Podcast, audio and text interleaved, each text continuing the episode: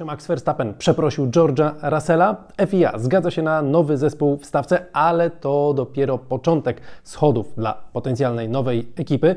Będzie też o dacie możliwego powrotu Daniela Ricardo, o potencjalnej nowej pracy Lansa Strolla i o bardzo walecznym Romanie Grożanie. Zapraszam Was na kolejny ósmy bieg.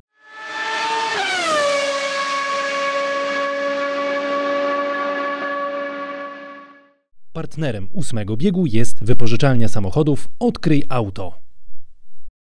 No i jesteśmy na kilka dni przed startem Grand Prix Kataru na torze, który został zbudowany w 2004 roku. W 12 miesięcy ukończono budowę tego toru. Uczestniczyło przy tej budowie tysiąc pracowników. Wtedy jeszcze tak mało mówiło się na temat tego, jak wyglądają standardy pracy. Wiemy, jak te standardy pracy wyglądały przy mundialu w Katarze, przy tworzeniu stadionów, więc to może być dosyć e, trudny e, temat. No, w każdym razie Katar już na stałe teraz w kalendarzu F1 zagości. Były też e, takie informacje, że może przeniosą się na inny tor, ale ostatecznie zostają na tym obiekcie, mocno zmodernizowanym zresztą, ale o tym za chwilę. Przez kolejne 10 lat będziemy Katar w kalendarzu Formuły 1 oglądali. No i będziemy też oglądali wkrótce, za momencik w zasadzie koronację Maxa Verstappena. Wystarczą mu trzy punkty zdobyte w ten e, weekend i będzie czempionem. Zapewne stanie się to zatem w sobotę, bo mamy przecież weekend ze sprintem. No właśnie, jeśli chodzi o zmianę na tym e, torze, Formuła 1 po raz ostatni ścigała się tu w 2021 roku, ale przed tym sezonem bardzo dużo zmieniono. Padok e, zupełnie unowocześniony, nowe garaże, nowy asfalt położony na obiekcie, nowe tarki również, no i też pojawiły się takie nowe betonowe bloczki poukładane za yy, tarkami, słuchajcie, kontynuujemy, nie, nie przerywamy. Yy, to ma być yy, wymierzone w limity toru. Te bloczki betonowe, które są poza tarkami, mają być takie troszkę szorstkie i tym samym dosyć takie nieprzyjemne dla e, opon, więc zobaczymy, czy to będzie jakieś rozwiązanie, jeśli chodzi o problem limitów e, toru. Może to będzie coś, co też będzie można stosować na innych e, torach. No i właśnie, słuchajcie, weekend zapowiada się bardzo trudno, no bo to weekend e, sprinterski, w którym mamy, przypomnę, tylko jeden trening. Ten jeden trening e, w piątek to jest taka pora, która nijak się ma do tych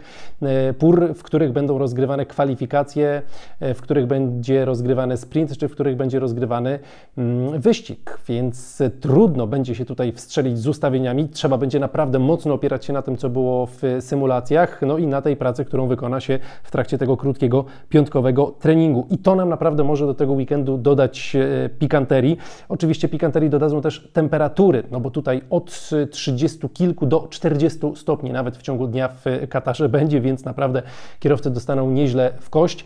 Tor z bardzo szybkimi zakrętami, trochę jak e, Suzuka, więc jeśli chodzi o to, kto tutaj może być szybki, no to oczywiście szybki będzie Red Bull. Co do tego nie ma żadnych wątpliwości. Za nimi raczej bym tutaj typował e, McLarena, bo oni na Suzuce też byli bardzo szybcy, a gdzieś tam trochę z tyłu już Ferrari i Mercedes e, i gdzieś tam próbujący się podłączyć znowu do tej czołówki Aston Martin. Jeśli chodzi o poprawki, większych się tutaj poprawek nie spodziewamy. Raczej to będzie Grand Prix Stanów Zjednoczonych. Tam jeszcze parę ekip przywiezie trochę nowych części. Zatem słuchajcie, pamiętajcie, kwalifikacje do niedzielnego wyścigu w piątek o 19, w sobotę o 19.30 sprint, a w niedzielę wyścig o godzinie 19. Być może, jeśli oglądacie Viaplay, to widzimy się w ten weekend y, oczywiście.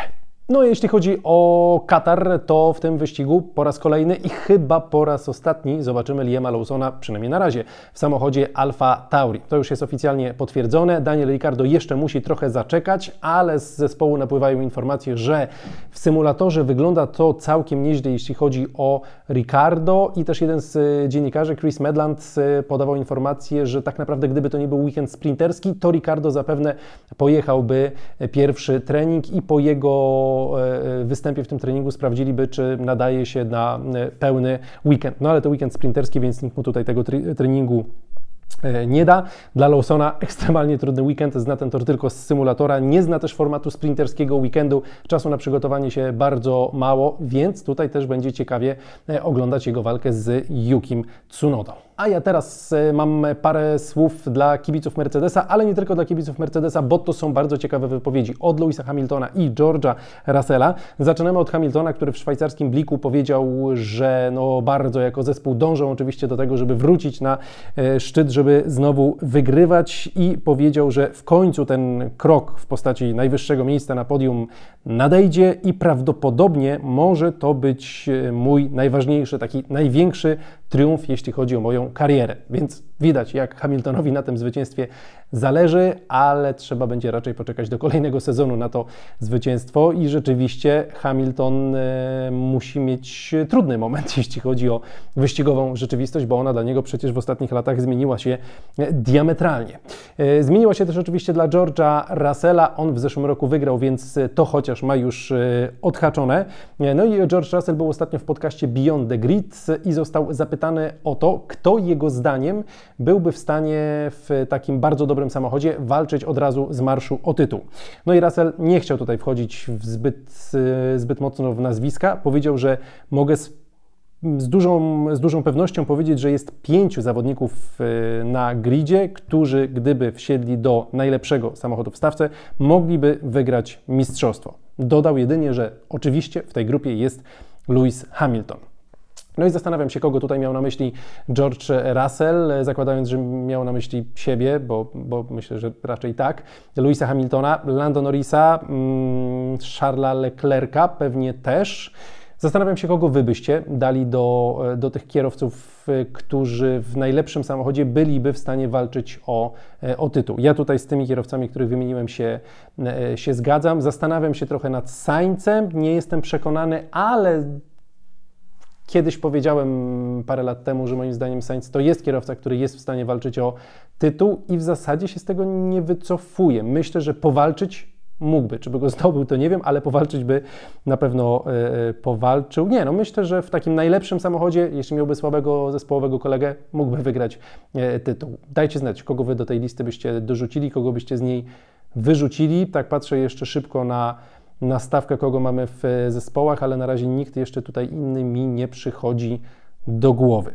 E, no i jeśli chodzi jeszcze, słuchajcie, o wypowiedź George'a Russella w tym e, podcaście, to George odniósł się do, też do tej sytuacji w Baku. Tam pamiętacie, spięcie z Maxem Verstappenem na torze, no i mała też taka słowna przepychanka po zakończeniu rywalizacji. No i tam Max Verstappen nazwał George'a Russella penisogłowym, tak to możemy e, określić. No i słuchajcie, odniósł się do tego George Russell w tym podcaście, powiedział, bo został zapytany, czy były przeprosiny jakieś ze strony Maxa Verstappena, ale Russell powiedział, że nikt z nas przecież nie wjeżdża w siebie z, z premedytacją i tak naprawdę takie przeprosiny nie są konieczne. Nie ma znaczenia, co jest wypowiedziane e, w takich momentach tuż po wyścigu, to tak naprawdę nie ma znaczenia, jakie kwestie wtedy padają. E, to jest po prostu jak taka woda, która sobie płynie pod mostem, trzeba iść dalej. Można, może nie jesteśmy wtedy najlepszymi kumplami przez naj, na, następnych parę wyścigów, ale wszyscy jesteśmy na tyle dojrzali, żeby wiedzieć, że na tym po prostu też czasami polega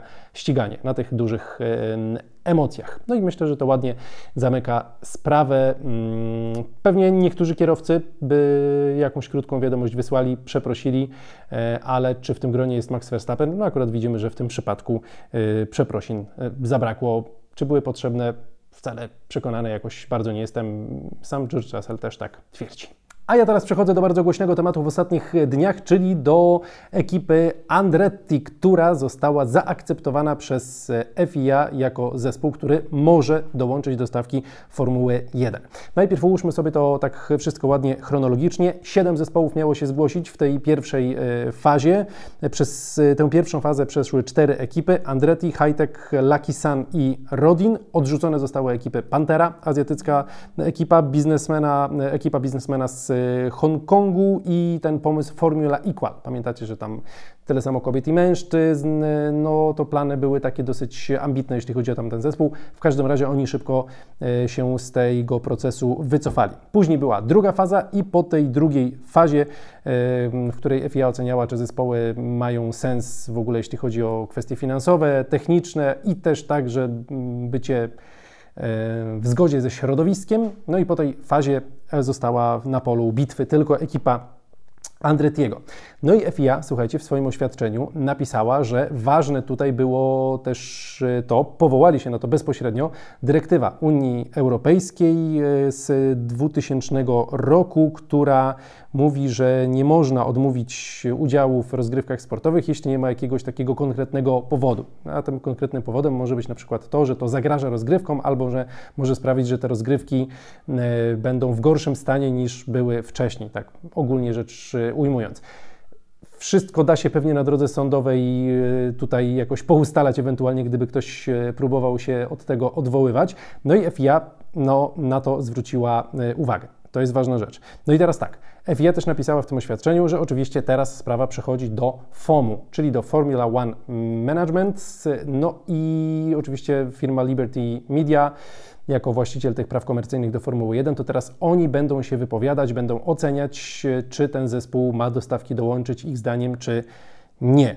No i na razie Liberty Media skomentowało to takim dość suchym oświadczeniem. Odnotowaliśmy wnioski FIA i ich ogłoszenie dotyczące procesu aplikacji. Teraz przeprowadzimy własną ocenę, by sprawdzić, czy aplikacja tego zespołu jest uzasadniona, no, czyli po prostu będą sprawdzać, czy jest ta wartość dodana dla sportu. To jest oczywiście bardzo uznaniowe i oczywiście w grę tutaj wchodzi wielka polityka, która się toczy w e, padoku. Jasne jest, że większość zespołów nie chce nowego zespołu. Po prostu ze względów finansowych dostaną mniej e, pieniędzy, nie chcą tego rozwadniać między inne ekipy, nie chcą, żeby ktoś tak samo czerpał te korzyści z tego sportu, jakie teraz czerpią oni, bo mówią, że tyle lat w to inwestowaliśmy, to my też potęgę tego sportu zbudowaliśmy, co poniekąd jest prawdą, i nie chcemy teraz wpuszczać kogoś, kto się nagle pojawia, zapłaci nam 200 milionów dolarów i to ma wystarczyć. Oni nie. My jak coś, to chcemy jeszcze więcej pieniędzy.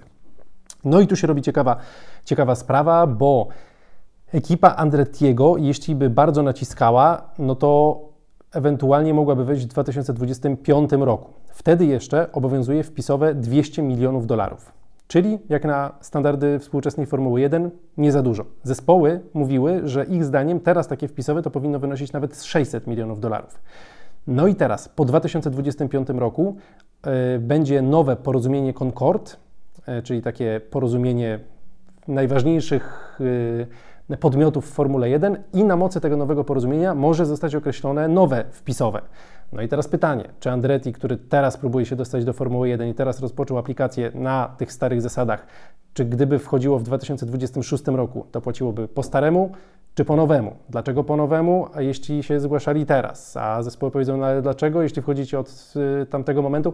I tak dalej, i tak dalej. Może to być ciekawa rozgrywka, może być też ciekawa rozgrywka, jeśli w ogóle zespoły Liberty Media powiedzą, nie, nie wchodzicie, a wtedy Andretti będzie y, się kierował do jakichś instytucji y, prawniczych, no i będą to próbowali gdzieś tam na drodze, na drodze sądowej tych swoich praw dochodzić. Bardzo jestem ciekaw, jak to się skończy. Zakładam, że będzie nie ze strony Formuły 1, ale przekonamy się, czy mam rację. Wypowiedział się już Lawrence Stroll, mm, który powiedział, że ten sport nigdy nie był w lepszym miejscu. Jeśli coś nie jest zepsute, to nie ma potrzeby, żeby to naprawiać, więc jestem przekonany, że teraz te 10 zespołów funkcjonuje dobrze i myślę, że tak powi powinno po prostu zostać. Lawrence Stroll mówi krótko.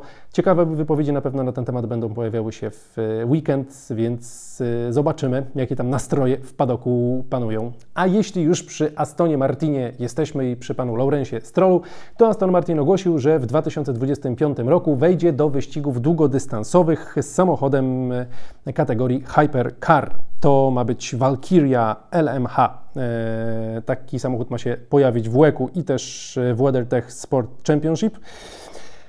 No i to jest ciekawa informacja, bo pojawiły się od razu głosy, że to jest idealne miejsce, żeby tam Lansa Strolla wyrzucić na taką małą sportową emeryturkę i mieć spokój, jeśli chodzi o, e, o skład e, zespołów w Formule 1. No to oczywiście z przymrużeniem oka, bo wszystko zależy od tego, co będzie chciał Lance Stroll e, po prostu, ale jestem ciekawy, czy może to być dla niego jakiś kierunek. W każdym razie chciałem Wam tę informację podać, bo to ciekawe nie tylko ze względu na Lansa Strolla, bo bardzo mocno po prostu rozrastają nam się te długodystansowe, wyścigowe Mistrzostwa Świata.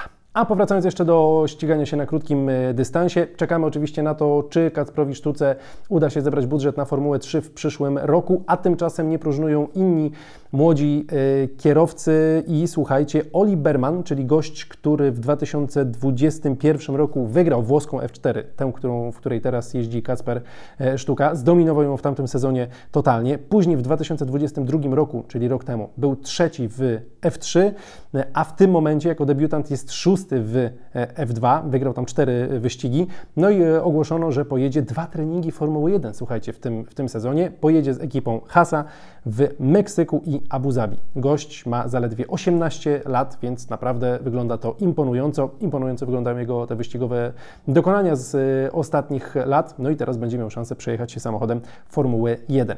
I kolejna jeszcze informacja ze świata tego juniorskiego ścigania. Gabriel Bortoleto dołącza do programu rozwojowego McLarena. To jest gość, który wygrał F3 w tym roku, no i to też jest y, to 18-latek. Do programu McLarena, do takiego przedsionka programu McLarena dołącza też Luca Badoer. To jest y, Brando Badoer. Y, to jest gość, który ściga się w tym sezonie z Kacprem we włoskiej F4. Jest gorszy od, od Kacpra, ale McLaren chce go sprawdzać przez najbliższy sezon i jeśli będzie dobrze, to dołączy na stałe już do ich tego programu rozwojowego dla młodych e, kierowców. No i tak jak Wam mówiłem ostatnio, Kacper spośród tej czołówki włoskiej e, F4, przypomnę, że teraz jego rywale Ugo Ugoczukwu i Arvid Lindblad, którzy na razie są za nim w klasyfikacji generalnej, są właśnie na testach F3. Mm, no i oni wszyscy są wspierani przez jakieś zespoły F1. I na koniec jeszcze, słuchajcie, króciutka informacja z za wielkiej wody, bo tam Roman Grosjean się ściga w serii IndyCar, a w zasadzie na razie to się ścigał, bo nie wiadomo, co będzie z tym jego kontraktem na przyszły sezon, czy znajdzie jakieś miejsce. Dotychczas ścigał się w ekipie e, Andretiego, e, no ale Andretti już go nie chce na przyszły sezon co nie podoba się Grożanowi i Grożan zapowiedział, że on miał nadzieję, że on zostanie w e, ekipie Andretiego na przyszły sezon. Jest rozczarowany, że nie zostało wypełnione to, co było tak jakby zapisane.